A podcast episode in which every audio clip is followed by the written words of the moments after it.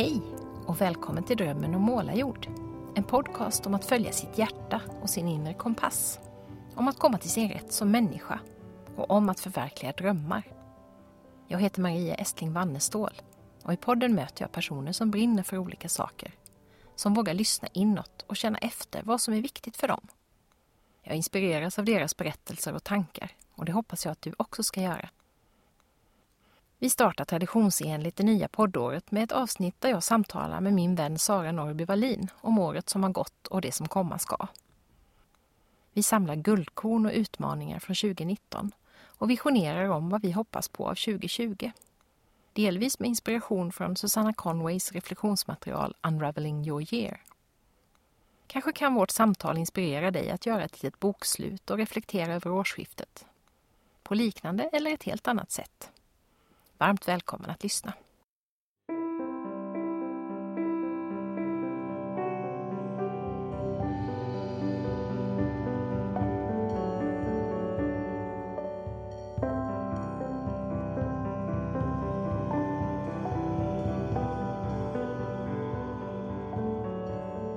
Hej Sara! Hej Maria! Och välkommen till årets första poddinspelning. Kan jag väl säga även om vi sitter i ditt hus. Ja, det går Det jättebra. är min mikrofon som står här. Ja, Och vi ska göra det som vi brukar göra så här års, har gjort nu. Jag vet faktiskt inte hur många gånger det är, men det borde väl vara fjärde gången kanske. ja, kan jag tänka mig. Nämligen att vi summerar året som har varit lite grann och funderar över vad vi tar med oss från det. Och visionerar lite framåt också. Och tanken med det är väl framförallt att inspirera andra till att kanske också göra, inte precis som vi gör, men att på något sätt, när man vill, det behöver ju inte vara precis i ett års, årsskifte, det kan ju vara när som helst, men att då och då stanna upp och liksom titta lite bakåt och kanske titta lite framåt om man nu är sugen på det också. Det brukar vara väldigt värdefullt tycker Ja. jag. Och, och få både tänketiden och prattiden Mm. som du och jag tar oss här. Och Det är som vi har pratat om mycket också som har jobbat med samtalscirklar, att ganska ofta när man sätter ord på saker som kanske snurrar runt uppe i skallen sådär och uttalar dem för någon annan eller genom att man skriver eller så. Så kan det ju få lite, man, ja, ibland får man syn på saker som man kanske inte annars får syn på så tydligt. Mm, verkligen. Så det kan vi väl rekommendera. Alla. Ja, det är någon slags kontakt man kan få med saker som att de blir liksom att man inte bara tänker dem utan också kanske känner dem som som jag tycker är väldigt kan vara kraftfullt. Precis. Ska vi börja med dig då? Vill du fundera lite på hur ditt 2019 har varit? Ehm, jag eh, lyssnade på förra årets program och då konstaterade, eller där sa jag att jag just hade haft 2019 års mest intensiva arbetsvecka. Eh, och det ska ju rätt mycket till för att man ska säga det redan i januari. Det är ganska tydligt då att sådana arbetsveckor vill man inte ha flera av. Och det har jag faktiskt inte haft. Så det var en av de saker jag kände mig väldigt nöjd med att om eh, 2018 var en stor inandning. Vi har pratat en del om andning här tidigare idag och jag hör hur poddhunden Chatney snusar på i bakgrunden. Så var eh, en inandning med mycket grejer. 2019 var mer av en utandning. Inte helt och hållet och inte bara avslappnat men ändå lugnare. Och det var värdefullt för mig. Så lite så tänker jag nog på det året. Lugnare och sen också lite knöligt. Kanske också att hi- hinna tänka. Var lite ah, sliten vet jag inte men liksom lite sådär att mm, känna att oj jag måste nog hålla reda på mina resurser och jag känner mig lite trött och sådär och att liksom att det väcker ju tankar och funderingar och den här känslan att nej, man kan inte bara köra på och andas in utan jag måste hitta löpande små utandningar och bubblor och pauser i livet. Det är nog några av de saker som har karaktäriserat 2019 för mig. Så här utan att ha tänkt så noga på saken. Jag eh, fastnade för någonting som en kompis skrev på Instagram eh, för någon, ja, ett par veckor sedan. Då var det någon som skrev att 2019 har varit ett jävla skitår med, eh, skitår med glitter. Och då kände jag igen mig jätteväl, för precis så kändes det. Jag har inte hunnit lyssna. I vanlig ordning är det du som är den skötsamma poddgästen och jag den slarviga poddvärden. Jag har inte lyssnat på förra året så jag vet inte vad jag sa då. Men eh, jag har inte haft det år riktigt som jag trodde att jag skulle ha. Det har varit mycket tuffare, varit ett av de tuffare åren i mitt liv av olika skäl, både privat och professionellt. Saker som har krånglat och människor som inte mått bra och så. Så på många sätt har det varit ett skitår. Men det har också varit ett glittrande år för det har varit också saker som har varit jätteroliga och fina och bra. Med bröllop och kommande barnbarn och sådär. Så att just det här skitår med glitter tycker jag beskrev det ännu mer än, ja men det, vi brukar ofta prata om berg och dalbanor och sådär men, men just det här, det har varit riktigt, det har varit riktigt djupa dalar men också väldigt höga toppar och ibland kanske det är lite mer, mm. lite jämnare trots berg och dalbanan på något sätt men det har verkligen varit högt och lågt och jättemycket smärta men jättemycket glädje också på något sätt och ibland precis samtidigt. Så det tyckte jag beskrev ganska bra just ja. det här året. Och vi hade ju varsitt ord, varsitt ord som vi alltid brukar sätta då mm. inför våra år. Jag minns att ditt var kärna. Ja. Hur blev det med kärnan? Ja, eh, det var någon gång här i, om det var i början av hösten eller när det var som vi pratade om orden och jag inte för mitt liv kom, kunde komma på vad det, bra, vad det var. Och det kan ju säga en del om att eh, det är inte så att kärnan har varit med mig hela tiden. Eh, jag tycker nog att i början av året som sagt så trappade jag ner efter en intensiv arbetsinsats. Jag gjorde ett par, apropå bubblor, jag åkte iväg till ett ställe som jag nämnt tidigare som heter Risk i Danmark där jag åker ibland för att hämta kraft och där man verkligen vänder sig in mot sin kärna. Jag åkte tåg och båt till Mallorca och sådana där saker som då kanske också stämmer med mina kärnvärderingar men också ger mm. mycket tid för eftertanke och så. Så i bör- första halvan av året där tyckte jag nog att jag hade kärnan med mig ganska mycket. Sen, tror jag, sen glömde jag bort den där ett tag. Och började tycka, jag, jag, för mig var det inte ett skitår med glitter utan det var lite jämnare så men mm.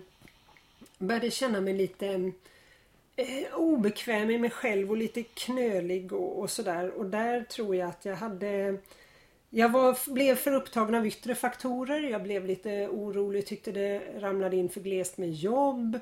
Och sen kom jag på framåt senhösten, men vänta Sara, vad, åt vilket håll är det du ska titta främst? Ja, är det utåt efter nya uppdrag? Är det minst lika mycket inåt? Mm. Vad är det du gör? Vad är det du kan göra? Hur kan du möta människor omkring dig både i jobbet och privat för att det ska bli roligt för dig och för att du ska kunna ge bästa möjliga? Så ehm, i början och i slutet av året så var det hyfsat med kärnan men den var lite Ja, den var mindre synlig där ett tag och, och uppenbarligen då bortglömd. Mm. Um, vilket inte behöver betyda att man inte lever efter det för det har vi pratat mm. om innan att man kan mycket väl ha ett ord eller så eller sätta någon föresats och ibland kan de funka som bäst när man bara glömmer bort dem och sen kollar om ett halvår eller ett år och så visar ja titta det har ju faktiskt hänt. Mm. För då försöker man inte styra så medvetet utan den här omedvetna styrningen är, kan vara mycket mer fin så mycket skickligare egentligen. Ja. Det ligger det som någon slags resonans i ja, botten nästan. Precis. Ja. Men jag kände att eh, ehm, det har känts jättebra att eh, komma på vad jag hade för ord och eh, jag gjorde det genom att inse att jag måste, måste ditåt igen. Liksom. Mm. Mm. Just det. Så, så har det varit för mig. Mm. Och hur har det varit för dig med Ja, med min framgång då. Just som det. var det här knöliga ordet som jag tyckte så illa om. Alltså jag väljer ju nästan alltid ord som jag egentligen inte vill ha. Jag vet inte varför jag håller på på det viset. Eh, men nu, nu kände jag på något sätt att framgång var något som jag... Det kanske var just det att jag behövde brottas med själva begreppet. Kanske var det så enkelt. Eh, att det hade mer med det att göra än med den faktiska framgången. Eh, men jag kom ju också fram till, och jag minns inte om det var när vi, det kan ha varit lite när vi satt här och pratade förra året, eller så var det i alla fall i den vevan, att det här japanska begreppet ikigai, mm, det, det funkar ju mycket bättre för mig. Eh, för det är på något sätt, framgång för mig är fortfarande, trots att vi har ägnat ett helt poddavsnitt tillsammans med Lisa åt att reda ut att framgång kan betyda så mycket olika saker för olika människor, så har jag fortfarande ganska mycket av det där karriär, pengar, tänket när jag tänker på framgång. Men ikigai tycker jag känns mycket mjukare på något sätt det här med att det handlar om vad jag verkligen vill göra, vad jag är bra mm. på, vad som kan göra någonting bra för världen och sen handlar det bara egentligen om att kunna leva på det. Det handlar inte om att bli ekonomiskt framgångsrik utan mm. det handlar bara om att få in tillräckligt mycket för att kunna fortsätta göra det man älskar. Och jag tänker att den ikigai-definitionen, där, där blir det så mycket att man behöver backa hem till sig mm. själv hela tiden. Det jag är bra Precis. på, det jag älskar, det är jag, sådär. Och, och det, det, så är det ju med framgång egentligen också men det, det, det hörs inte riktigt det är svårare, Nej, det är svårare. Det är lättare att placera mm. in det i det här yttre facket på något sätt. Men alltså, ska man se till då det yttre och det ekonomiska så är ju detta mitt bästa år på jättelänge. Mm, För det har ju trillat in en massa roliga uppdrag och det har varit jättespännande. En massa, det kanske vi kommer in på sen, men uppdrag som inte var sådana som jag alls hade liksom tänkt ut. Så det där är ju precis som du sa, det här när man ja, man kämpar och kämpar och tror att man hela tiden ska ha koll på det där yttre och sen så ibland så bara händer saker när man inte gör det. Och det kanske räckte för mig på något sätt att jag jag vet inte, skickade ut någonting eller skickade in någonting om att, för det kan ju också handla om, om man tänker på ekonomi då, det här med att, ja, men att vara värd. Mm. Att kunna få jobba med det, för det är lätt att tänka att nej men inte jag värd att få hålla på med det här jätteroliga, det är ju alldeles för kul för att jag ska få sitta och, och kunna dra in pengar på det, det borde jag väl kunna göra ändå. Mm. på något sätt. Eh, så det har varit jättespännande och jag har, det har ju också fått mig att, att, upptäcka saker som jag kanske inte riktigt hade förstått innan. Eh, hur kul jag tycker det är att översätta till exempel. Eh, och att det är något som passar mig väldigt bra just nu när jag har lite grann mer gått på något sätt inåt. Jag har nog också gått lite mer in mot kärnan. Jag tycker det är jätteroligt att göra alla sådana här utåtriktade uppdrag som att föreläsa och workshoppa och så men jag märker också att de tar mycket energi av mig. Och då är ju det här att få sitta hemma till exempel, eller här hos dig i Storkeboda och översätta och, och jobba med det som, eh, som jag tycker är roligt i någorlunda egen takt. Även om man har en deadline så är det ändå jag som styr ganska mycket om jag ska, hur mycket jag ska, tid jag ska lägga på det just idag till exempel. Eh, så där känner jag ju att på det viset så har ju framgången funkat jättebra. Men sen finns det ju andra omgång, områden i livet där jag inte tycker alls att jag har haft någon framgång. Eh, föräldraskap och sånt där, där jag snarare tycker att det här blir bara svårare och svårare. Eh, ju äldre jag blir. Jag blir inte ett dugg mer klok på det, utan det ställ, jag ställs inför nya utmaningar hela tiden.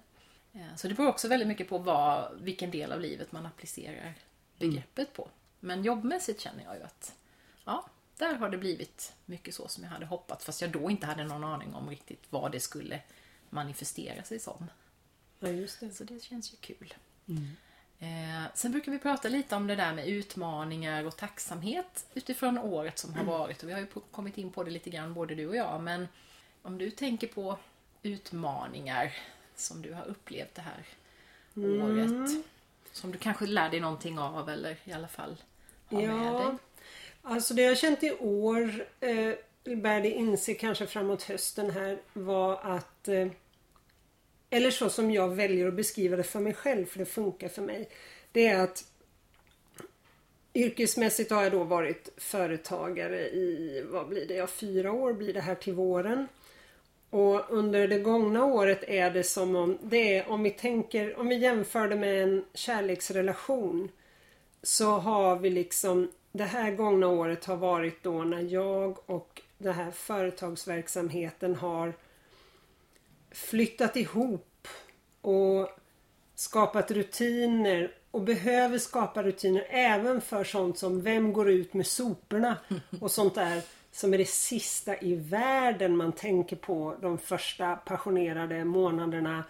De första ett, två åren kanske. Innan man ens kanske har gemensamma sopor att bära ut. Men nu är vi där. Vi behöver bestämma vem som ska bära ut soporna. Vi behöver, eh, jag behöver mer egen tid. Det är också det där som händer efter ett tag.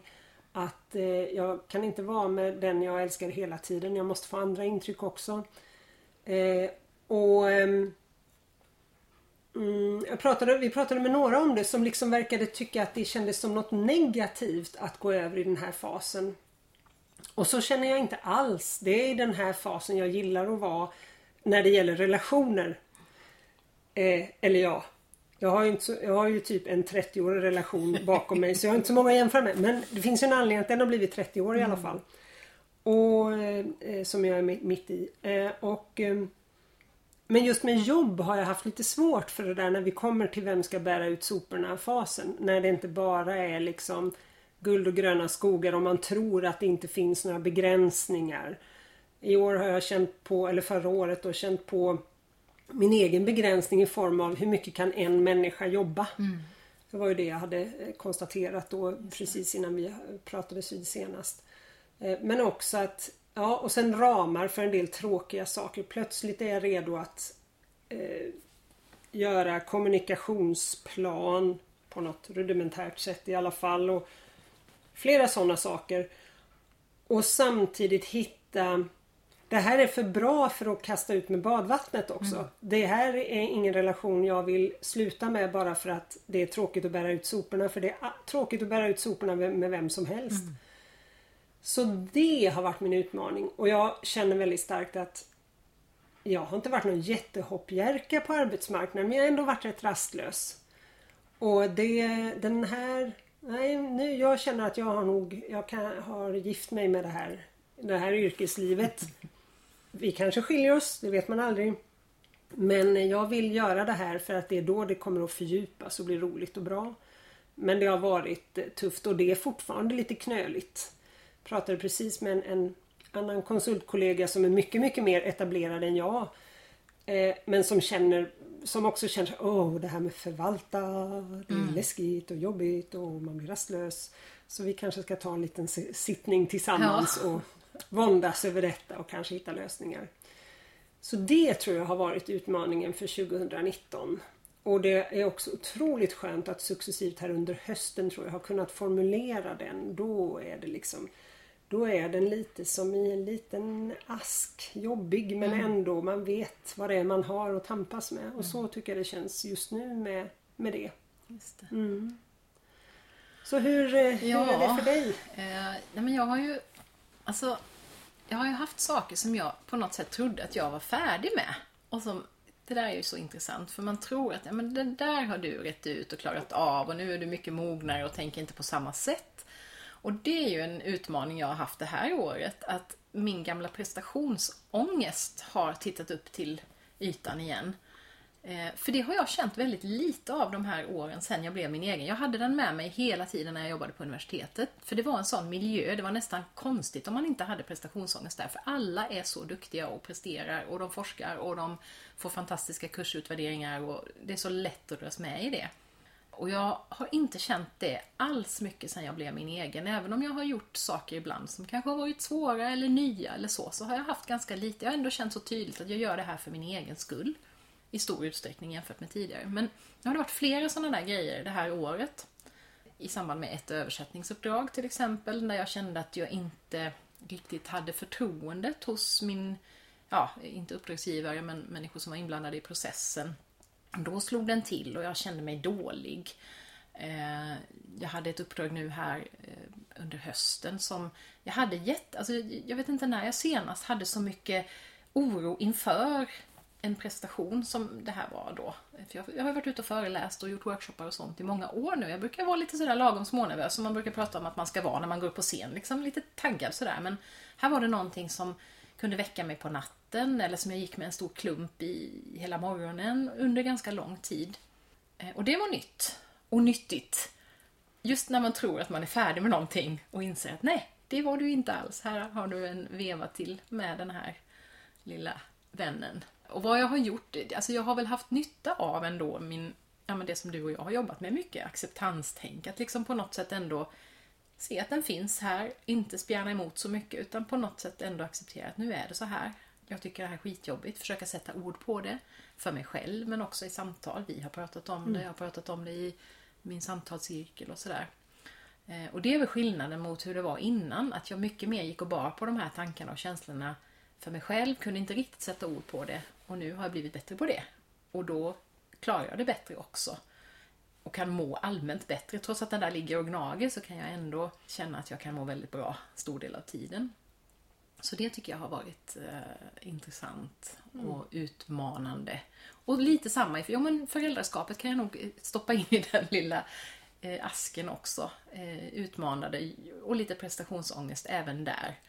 Eh, för det har handlat om saker som jag, där jag inte riktigt vet hur jag ska göra heller. Det kan jag tycka. Det, just det där brukar man ju prata om i stresssammanhang. Att det här med att ha mycket att göra, visst det kan stressa oss. Men det som stressar oss kanske allra mest det är otydlighet. Man pratar mm. om oklara ledarskap. Bristande kontroll. Bristande kontroll. Jag vet inte riktigt vad som förväntas av mig. Och det har jag nog känt lite grann i, kanske allra mest i eh, föräldraskapet. Jag är inte säker på att jag vet hur jag gör på bästa sätt. Alltså jag vet inte hur jag hanterar det här. Jag vet inte hur jag gör rätt, säger rätt, tänker rätt alltid.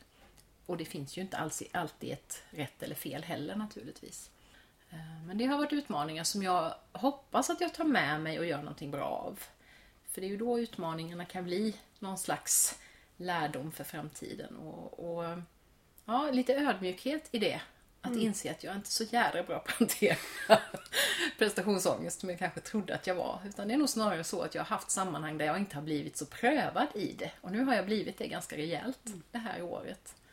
Och det, mm, ja, jag har inte riktigt tänkt på det men nu när du beskriver det så känner jag ju igen Vi har inte, alltså det Jag har haft också några sådana tillfällen när jag verkligen har känt prestationsångest. Eh, nu i början av hösten, ja men lite och det har eh, Det har nog dels haft att göra med just att jag kanske inte har eh, bäddat för mig själv ordentligt så att jag känner att jag har med mig min kärna i det jag gör. Så har det varit i ett eller ett par tillfällen att jag har gått tillbaka på det liksom. Att, att jag inte riktigt varit tillräckligt knölig som uppdragstagare och sagt Nej. att ska det verkligen vara så här? Är det inte bättre så här? Ska inte jag ha den här rollen och sådär.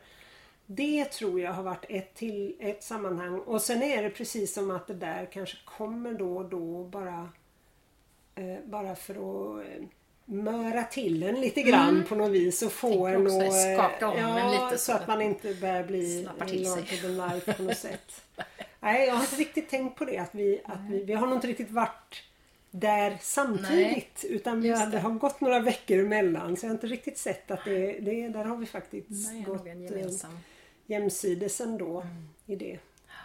Mm. Ja, nej, och det, det jag kan tycka är ju att Alltså det är ju aldrig roligt att uppleva saker som är jobbiga. Det kan vi väl konstatera alla. Mm. Men just det här att något som jag tycker har förändrats med åren det är att jag har förmågan och lite grann kliva utanför ibland. Att ibland vara mitt i det tycker jag det är skitjobbigt att gå där och jag vet att jag gick ett antal morgonpromenader när jag bara liksom, åh jag ville bara kräkas. Och verkligen vara i den känslan.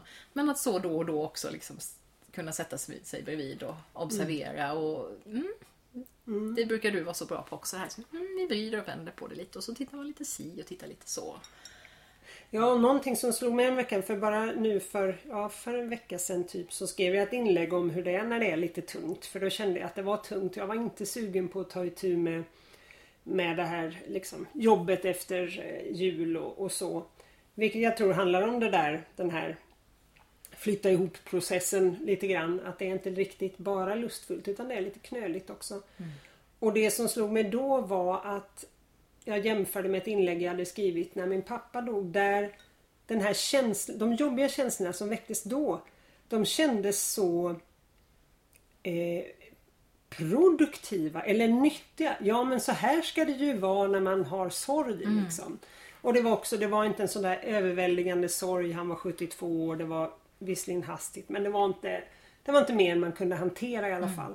Plus att, ja men det här vet man, det här måste man bara igenom när den här, sån här prestationsångest dyker upp så, tyck, så är det ju en så stor del av en som säger ja men för fasen du är över 50 bast, det vet jag att du kan det här, där, där, där, där, där. Som liksom inte erkänner Nej. att det här Jag har ingen aning om vad den har för funktion men den här vill något. Mm.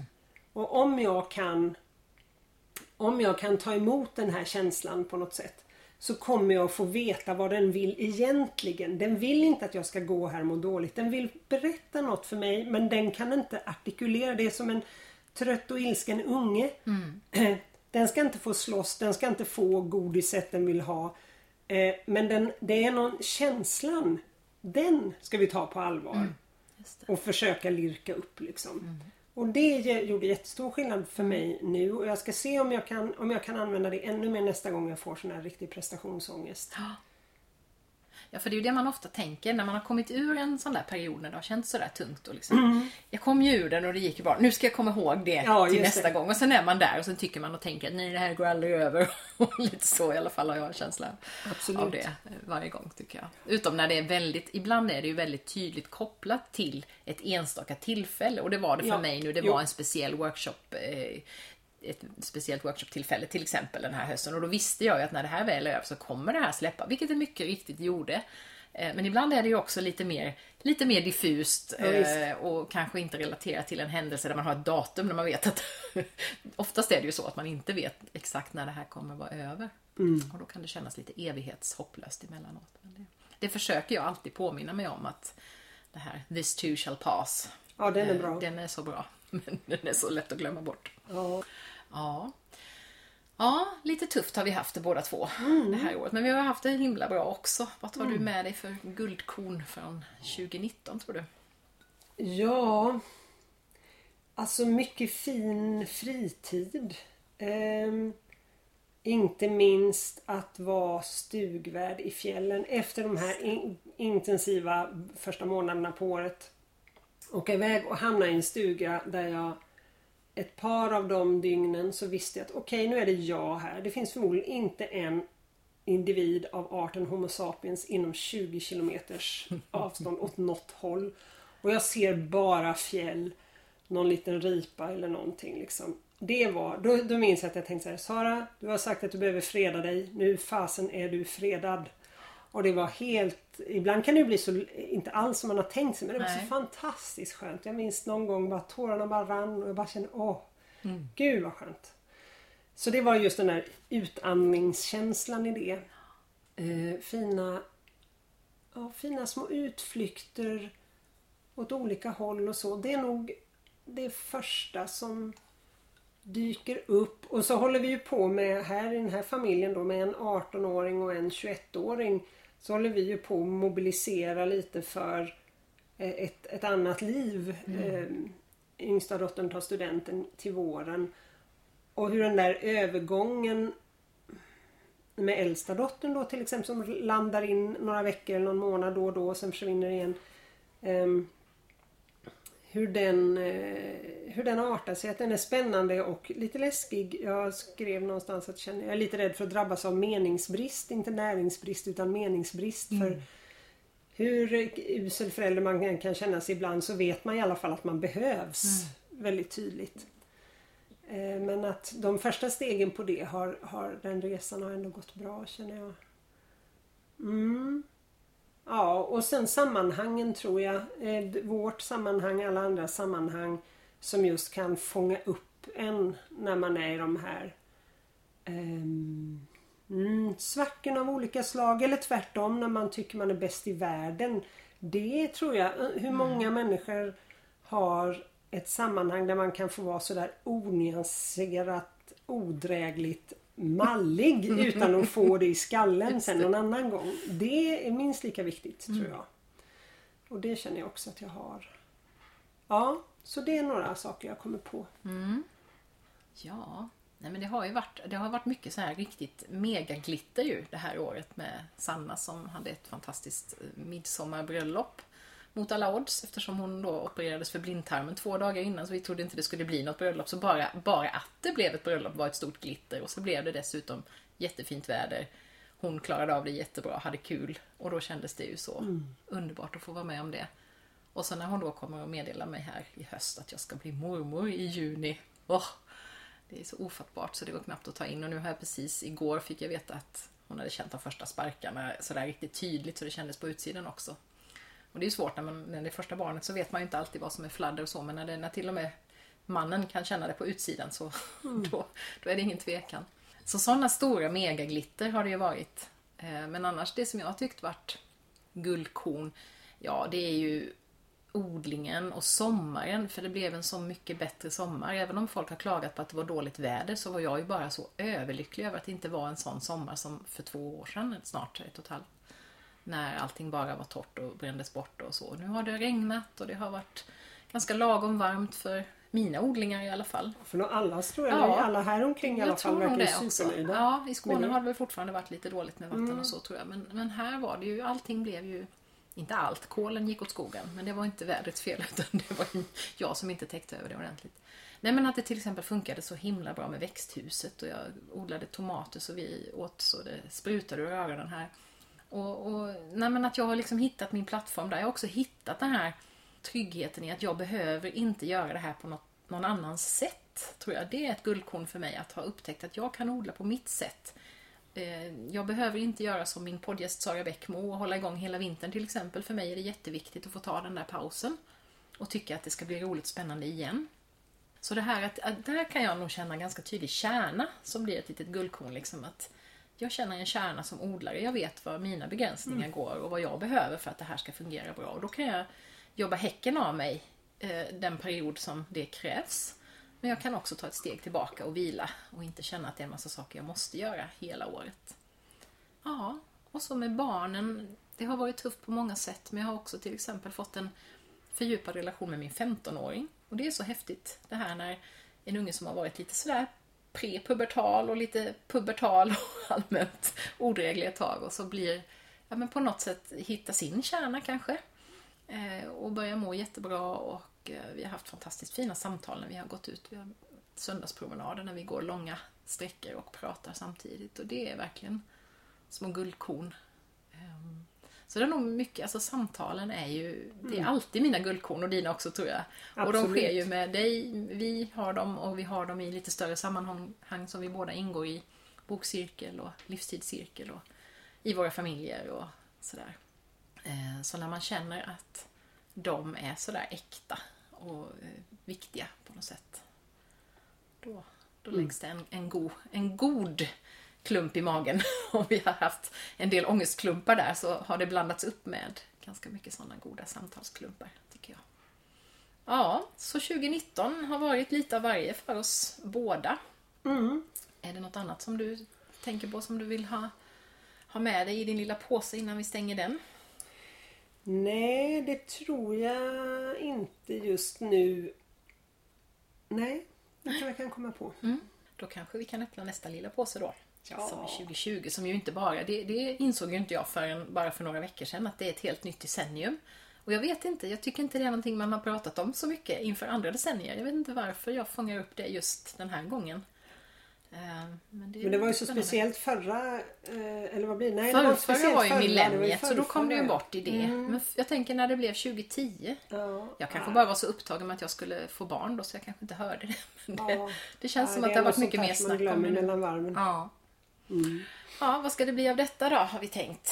Ja, tänker eh, jag tänker ju då att jag satsar på en långsiktig relation då med mitt företag. Precis som fortsättningsvis även med min man. Och vi ska ju då fira 30 år sedan vi träffades. På något klurigt sätt som vi inte har tänkt ut än. Det är coolt. Det är coolt. Eh, men mitt ord då eh, är två ord och apropå det där att inte vara helt förtjust i sina ord så är jag jättenöjd med ordens innebörd. Men jag, jag ska väl försöka ta dem till mig med själ och hjärta. Men eh, det är i alla fall utforskande samspel. Och jag tycker att det låter lite akademiskt men jag är ju också en sån där som gillar såna där lite onödigt tillkrånglade ord och så. Så att jag får väl helt enkelt se det i ögonen och så får det vara. Och det känner jag att det här med kärna det gäller ju fortfarande alltid så. Men eh, jag är samtidigt otroligt nöjd med de här orden. Eh, Jag, just nu tycker jag att det här är de bästa orden någonsin i sin betydelse. Och det, mycket handlar det om det där att var lite mindre på väg. Okej, Okej, hur ska jag lösa det här så jag kan gå vidare till nästa? Och mer Okej, nu vaknar jag med den här känslan i magen. Mm, vi petar lite på den och tittar lite och ser vart den eh, tar vägen och sådär. Det där lite lekfulla och utforskande. Eh, och jag tycker att det går att använda på allt. Och det är också väldigt mycket kopplat till det, det jag känner allra starkast för med det jag jobbar med. Eh, så som du sa där med samtalen och mötena Och också den där utforskande, sätta mer fokus på processen än på resultatet som då i till exempel när jag handleder människor, grupper, chefer och vi tar upp ett exempel och använder det inte så mycket för att lösa den frågan utan för att se okej, okay, vad ligger i det här? Ja, här ligger mina minnen av det och här ligger min tanke om att jag borde vara mer sån och här ligger min otydliga relation till min kollega och liksom mer lägger upp det på något slags bord så vi kan vrida och vända och säga, ja men om jag prövar att skruva lite på den där relationen med kollegan, vad händer då? Mm. Och inte inbilla oss att om jag säger annorlunda till min kollega, det är A, då kommer B att hända och sen C och D. För Nej, det, det. funkar ju inte så någonstans Nej. i världen.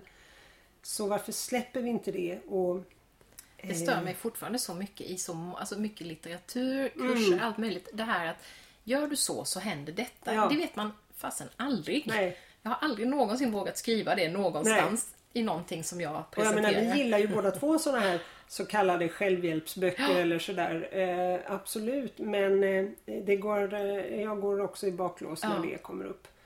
Men, men själva utforskandet kan vara så otroligt lustfyllt och ja, det är min grej. Så jag är ovanligt passionerad för mitt, mina torra små ord känner jag. Så jag har tänkt att jag ska lägga en påminnelse en gång i månaden så att jag liksom Jag kanske sliter ut dem i med det men ändå Ja jag tycker de, de har gett mig precis vad jag behövde just nu och in i, in i 2020 i alla fall. Mm. Ja, och jag, har, jag brukar ju skoja om det att jag alltid har sådana ord som jag tycker är så banala och det, det blir inte bättre kan jag säga. Snarare ännu värre, för i år är det kärlek. Och det är så här, du kommer med dina utforskande samtal. Du har alltid så här jättehäftiga, spännande ord och det har inte jag. Jag vet inte vad. Jag är ja, men det viktiga är ju vad man fyller det med sen. Det är det det handlar om Maria. Och där vet jag att du har mycket med dig. Ja.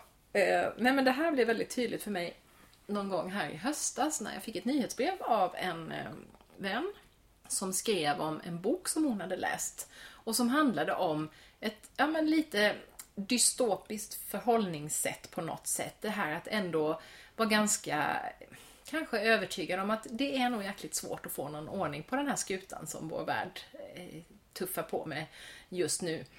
Eh, och hur kan vi förhålla oss till det då?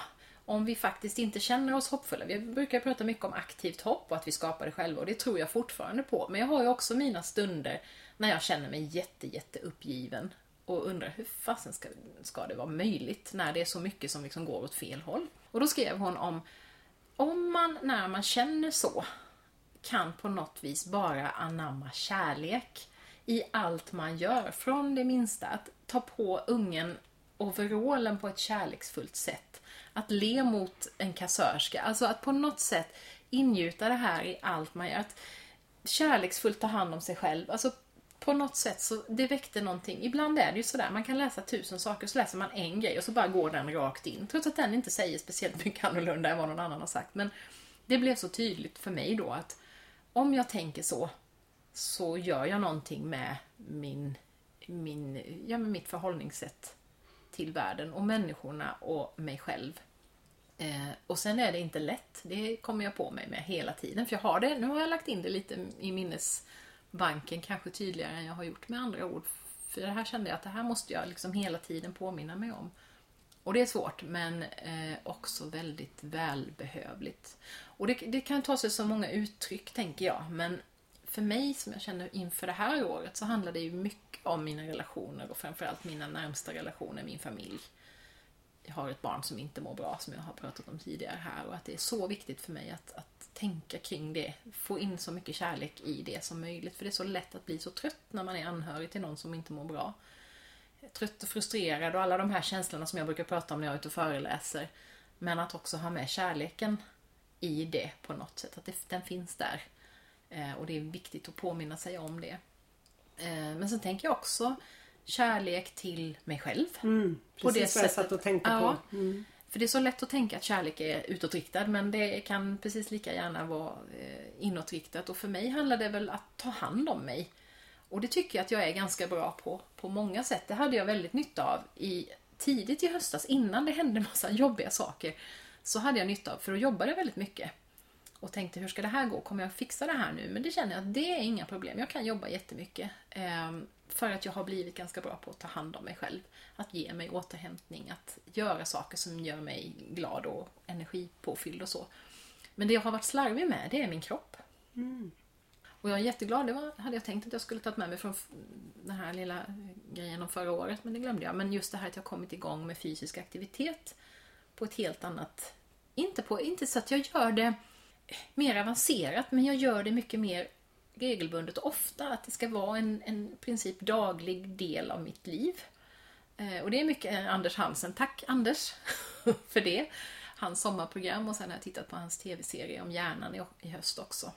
Eh, också mycket inspirerad av min 15-åring som också lyssnade på det där sommarpratet och blev jätteinspirerad. Eh, så vi har peppat varandra och fortsätter göra det. Så rörelsen fick jag in redan under hösten och nu har jag liksom kommit till nästa steg, nämligen maten då. Att jobba mer med den, att äta bättre, för jag har slarvat med det jättemycket. Jag är ganska duktig i perioder men jag måste på något vis hitta motivation och bestämma mig. Och när jag bestämmer mig då, då lyckas jag bra men det kan ta åratal innan jag kommer till den punkten där jag bestämmer mig. Vilket också är en väldigt nyttig sak, på tal om det där med att få syn på sin prestationsångest. För det här är också saker som man kan ha nytta av i förhållande till andra människor som man till exempel jobbar med. Jag har ju lite mentorskap och kurser och sådär. Just det här hur otroligt svårt det är att göra en förändring om man inte är på den där punkten där motivationen är på topp. Eh, och det, det är en väldigt, väldigt bra sak att ha med sig som den som ska försöka inspirera till förändring. Att jag är precis lika dålig själv på att förändra mig om inte jag är mm. redo. Och, och det är frågan, är det dåligt att inte Nej. förändra sig när man inte är Nej, redo? det är väl jättebra. För jag, apropå det där med ramar och sånt så eh, är ju både du och flera av våra kompisar och också en konsult eller coach som jag träffade eh, eftersom jag fick möjlighet till det. Prata, till exempel tagit upp när jag har eh, tagit upp en del gnissel i mitt företag. Ja men kanske vore det bra att hålla koll på din tid. Och jag har känt så oerhört motstånd till det. Håll koll på projekt. Absolut, ja. men inte på min tid generellt. Och sen plötsligt typ, jag tror det var första arbetsdagen nu efter jul.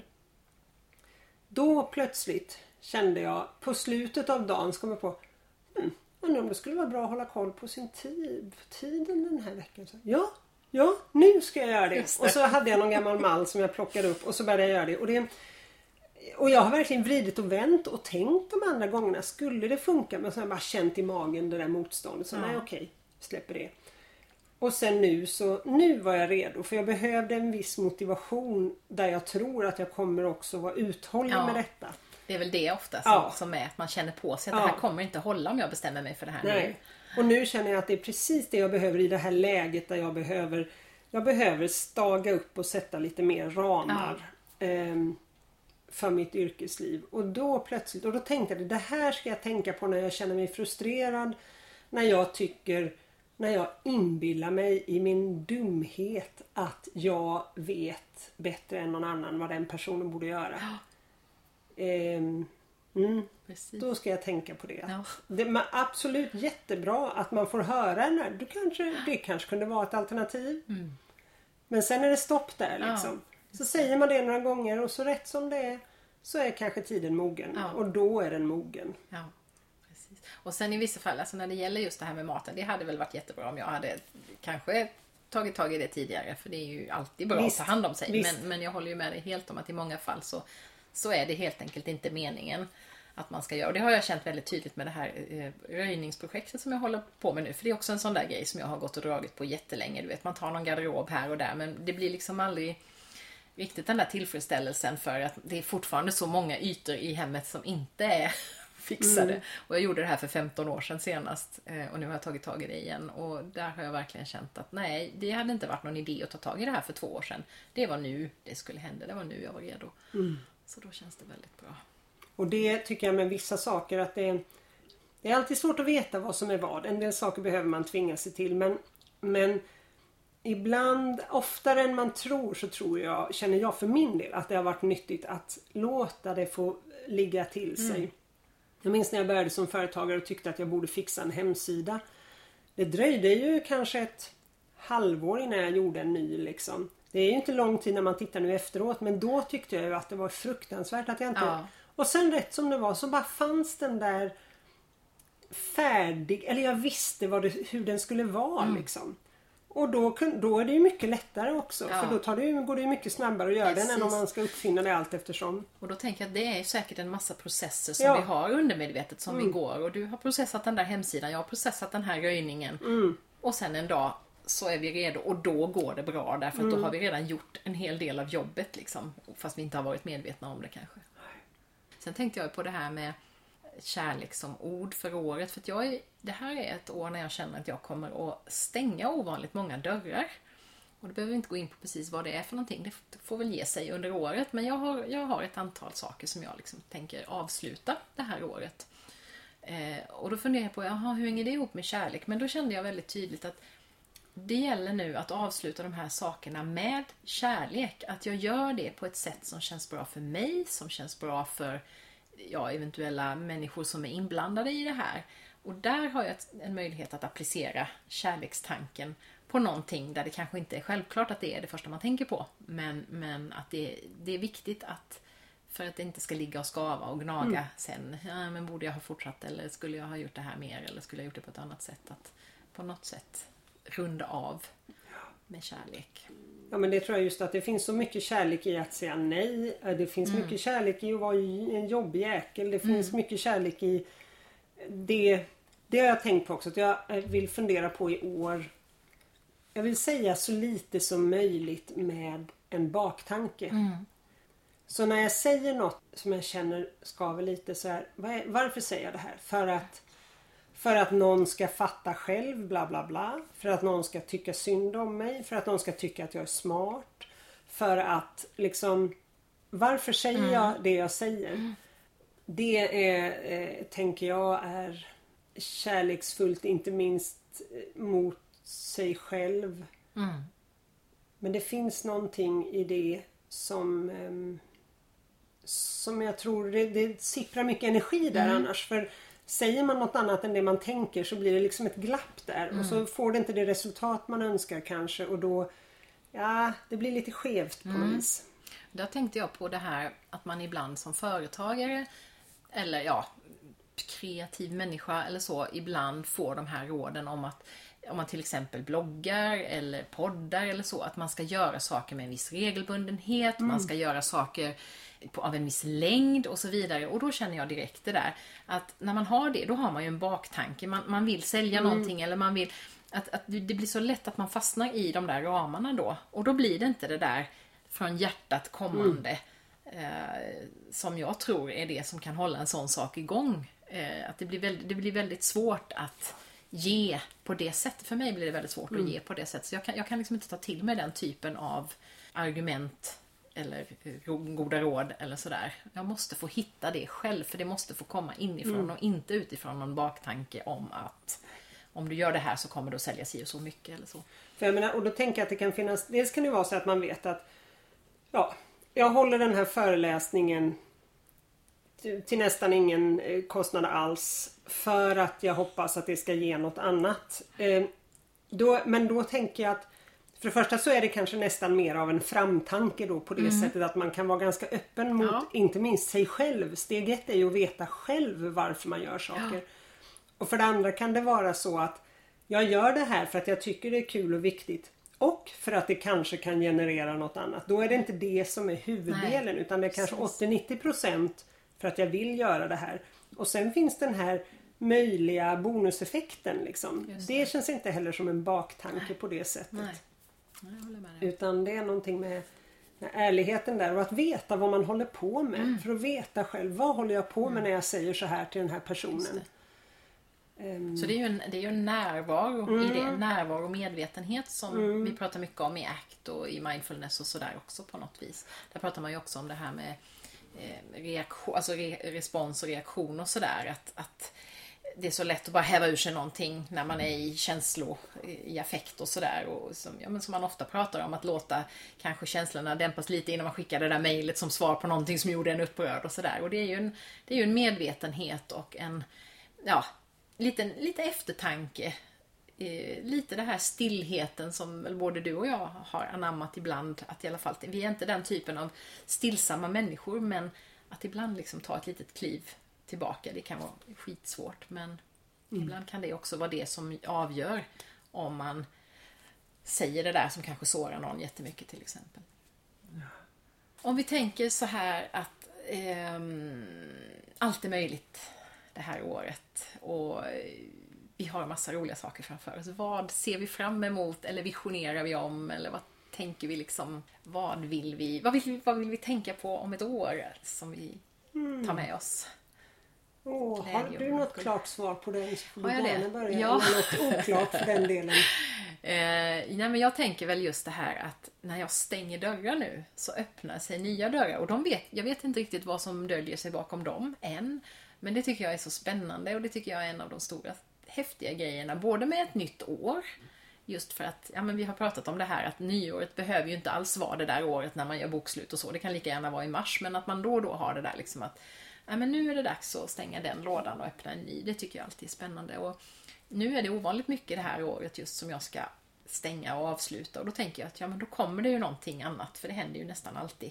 En del saker vet jag redan eh, är på gång men eh, jag vet inte riktigt hur eller när eller så. Eh, men det kan också dyka upp någonting som jag inte har en aning om just nu. Och det ser jag fram emot. Det här att ja, men det är lite som att öppna små presentaskar. Eh, som kan handla om ja, men att jag kanske upptäcker saker hos mig själv som jag inte visste. Jag tänker bara för några år sedan så hade jag ingen aning om att jag skulle sitta och översätta som en stor del av min, min verksamhet. Det var verkligen inte någonting som låg i min det är väl därför jag har så svårt för att göra så här affärsplaner och så. för att de skulle liksom aldrig funka. För jag hittar hela tiden nya grejer.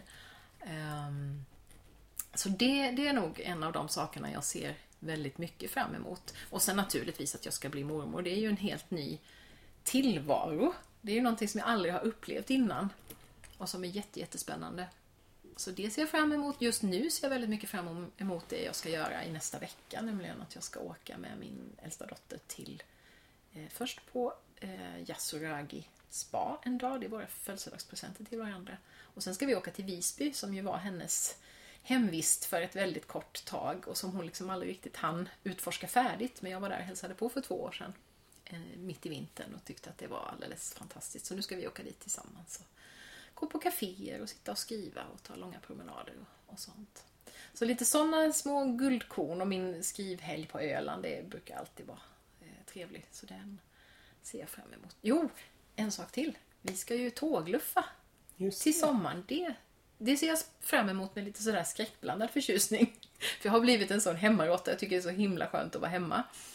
Eh, och nu plötsligt så ska man kasta sig ut och man ska reda ut med boenden och biljetter. Och det är ju inte det bekvämaste sättet att resa på alltid, det här med att åka tåg. Men det är också jätteroligt. Hur länge är det ni ska vara? Vi ska vara borta i drygt två veckor.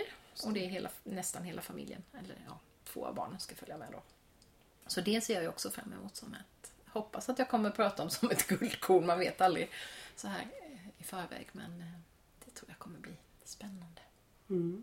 Har du kommit på något som du ja, ser fram emot? Ja, jättebra. Jag behövde bara den lilla stunden. Ehm, jag tänker att om nu 2018 var väldigt mycket inandning, liksom full rulle och fortare och fortare och mer och mer. 2019 var väldigt mycket utandning. Så jag har tänkt att under 2020, eller jag har tänkt, jag kom på det nu, att jag vill att det ska vara, jag vill ha, det är bra med långa andetag men de behöver liksom inte vara ett år i taget. det kan få vara lite mer sådär eh, kanske ett in och utandetag per månad. Alltså mm. mer eh, ett jämnare tempo, både mer intensiva perioder, lugnare perioder. Och det här liksom lite mittemellan, det är också typiskt för när jag tycker min relationsmetafor är så bra. För mm. det är också det låter inte så himla kul liksom. Ska det inte vara höga berg och djupa dalar? Nej, det kan få vara lite beige där mittemellan. Lugn och ro. Mycket att göra ena dagen, lugnare nästa vecka. Ja, så. Det tycker jag verkar fin, fint faktiskt. Och så eh, tänker jag att det här med utforskande samspel kommer att Åh, det kommer att bli så bra som jag var inne på och nu så ja, jag nämnde det att jag skrev ett inlägg här om veckan här om, om att när det inte är så jäkla kul i livet. Och ehm, jag har ju varit väldigt inne på att rikta mig bara mot organisationer och företag och, och sådär. Men här kände jag att jag fick så väldigt mycket respons från människor som finns i organisationer och mm. företag, de allra flesta. Eh, men ändå som mer gav respons som individer och som kände igen sig. Alltså det är det längsta inlägg jag någonsin skrivit på mm. Facebook. Mm. och det handlar om att må dåligt. Och jag har aldrig fått så mycket respons och så mycket kommentarer eh, någon gång tror jag. Så att det finns någonting där och jag funderar på, är den där? Det vill jag utforska i samspel med några av de människorna. Eh, så det finns ett antal sådana där också det här med klimatfrågan som professionell varelse. Vad kan jag finnas med där utöver att jag är med och riggar ett antal konferenser och sånt som har klimatinriktning eh, så kan jag vara med och skapa mötesplatser där andra kan få utforska i samspel. För det är nästan det jag tycker allra bäst. Att få vara den som ordnar sammanhanget och formerna som möjliggör det mm. där det där mjuka, oslitiga utforskandet liksom. Så där finns det en sån, det känns som en sån guldgruva att eh, gräva vidare i.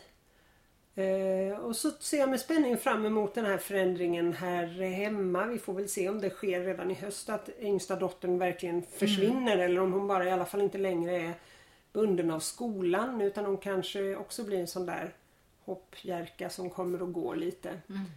Eh, och medan den äldsta funderar på att börja plugga på allvar vilket ju det påverkar ju inte oss jättemycket eftersom hon inte bor hemma löpande men det blir ändå en Det kommer att eh, 2019 var mycket detsamma för dem. Mm. Den ena jobbade och reste fortfarande, den andra gick i skolan fortfarande. Nu kommer de båda förmodligen att göra andra saker. Det. Och det kommer att påverka oss. Och det blir jättespännande. Det är så spännande att få följa dem också sådär. Så ja. Och där är också, det behöver jag ju inte driva. Jag behöver bara följa med mm. och se vart det tar vägen och, och hjälpa till när jag kan och så. Så det känns eh, lite kortare andetag och fortsätta utforska. Det är nog grejen tror jag. Mm. Mm. Jag vet ju att du har pratat om att du ville hitta någon hobby eller något intressant. Ja. Har du funderat vidare på det? Det har jag för mig att vi pratade om förra året. Ja, och det blev väldigt tydligt i år också just när jag kände den här balansbristen. Eh, att jobbet liksom åt sig in överallt. Mm. Nej, det går sådär. Alltså jag stickar ju en del men det är ju inte...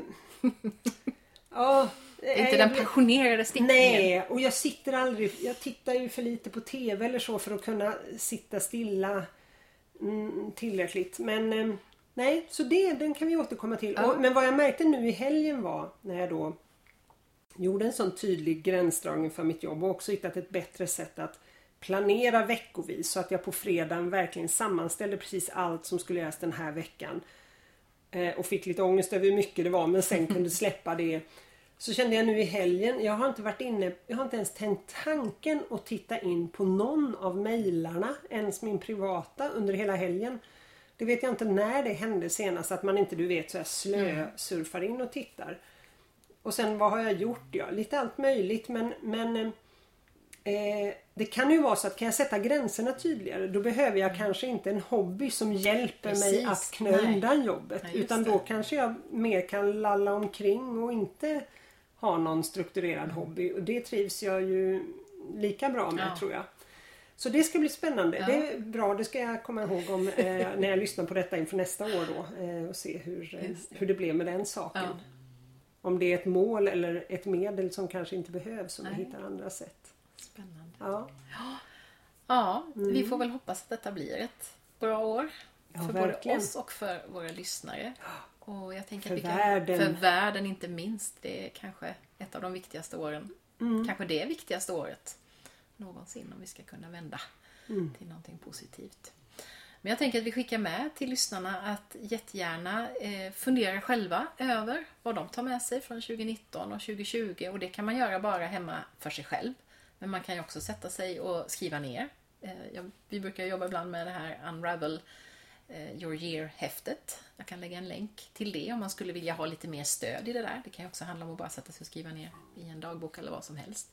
Eller att hitta ett sammanhang och göra en sån här mm. liten incheckning med någon. Eh, kan faktiskt vara väldigt givande, tycker jag. Ja men det är verkligen, man får lite den där distansen och överblicken. En distans som inte är kylig utan varm liksom. Och ja, det är coolt. Ja, ibland får man syn på något som man kanske inte hade sett annars. Mm. Ja, så vi kan väl avsluta med att önska alla ett gott nytt 2020. Ja, Och ett verkligen. gott nytt decennium. Mm. Inte minst. Tack så mycket Sara för idag. Tack Maria.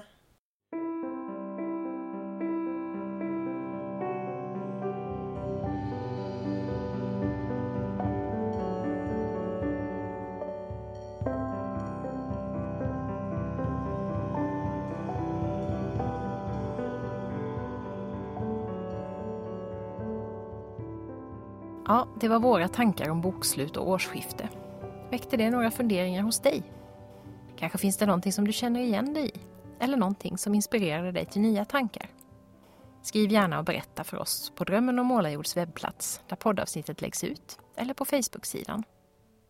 Någonting som jag inte visste när Sara och jag spelade in vårt samtal var att jag bara någon timme senare skulle få ett nytt stort och spännande översättningsuppdrag. Jag var just nu i slutfasen av arbetet med översättningen av Kevin Billets bok Light in the Heart of Darkness som handlar om nya sätt att hitta vägar ut ur depression. Nästa bok har ett liknande tema. Den är självbiografisk, skriven av Gary Marson och har titeln Just Carry On Breathing. Och den handlar om hur Gary tog sig igenom tiden efter sin hustrus självmord. Det kan låta tungt att översätta böcker om psykisk ohälsa, men jag är väldigt glad över de här uppdragen. Dels för att det ger mig lite ekonomisk trygghet ett tag och större möjligheter att finnas tillgänglig för min familj än när jag är ute och föreläser en massa. Dels för att det känns så fint att få bidra till att bra böcker som förhoppningsvis kan vara till hjälp för många människor kommer ut på svenska. Det nya uppdraget kommer också innebära att jag får en riktigt intensiv vår, precis som hösten. Så det blir nog fortsatt lite glest mellan blogginlägg och poddintervjuer. Någonting som däremot kommer med regelbundenhet, exakt var fjärde vecka, det är mitt inspirationsbrev, brevet från Målarjord. Just idag när jag släpper det här poddavsnittet skickar jag också ut januaribrevet där jag den här gången reflekterar utifrån temat kvinnokraft. Om du inte redan prenumererar är du varmt välkommen att göra det. Information hittar du på poddens webbplats, dromenomalajord.se. Stort tack för att du har lyssnat idag och för att du är en del av min poddvärld. I nästa avsnitt får du höra Sara igen, den här gången tillsammans med Lisa Moreus. Eftersom det återigen är dags för poddklanen att sammanträda. Den här gången utifrån våra tankar och erfarenheter kring att hitta sammanhang och skapa nätverk. Ta nu hand om varandra där ute. Hej då!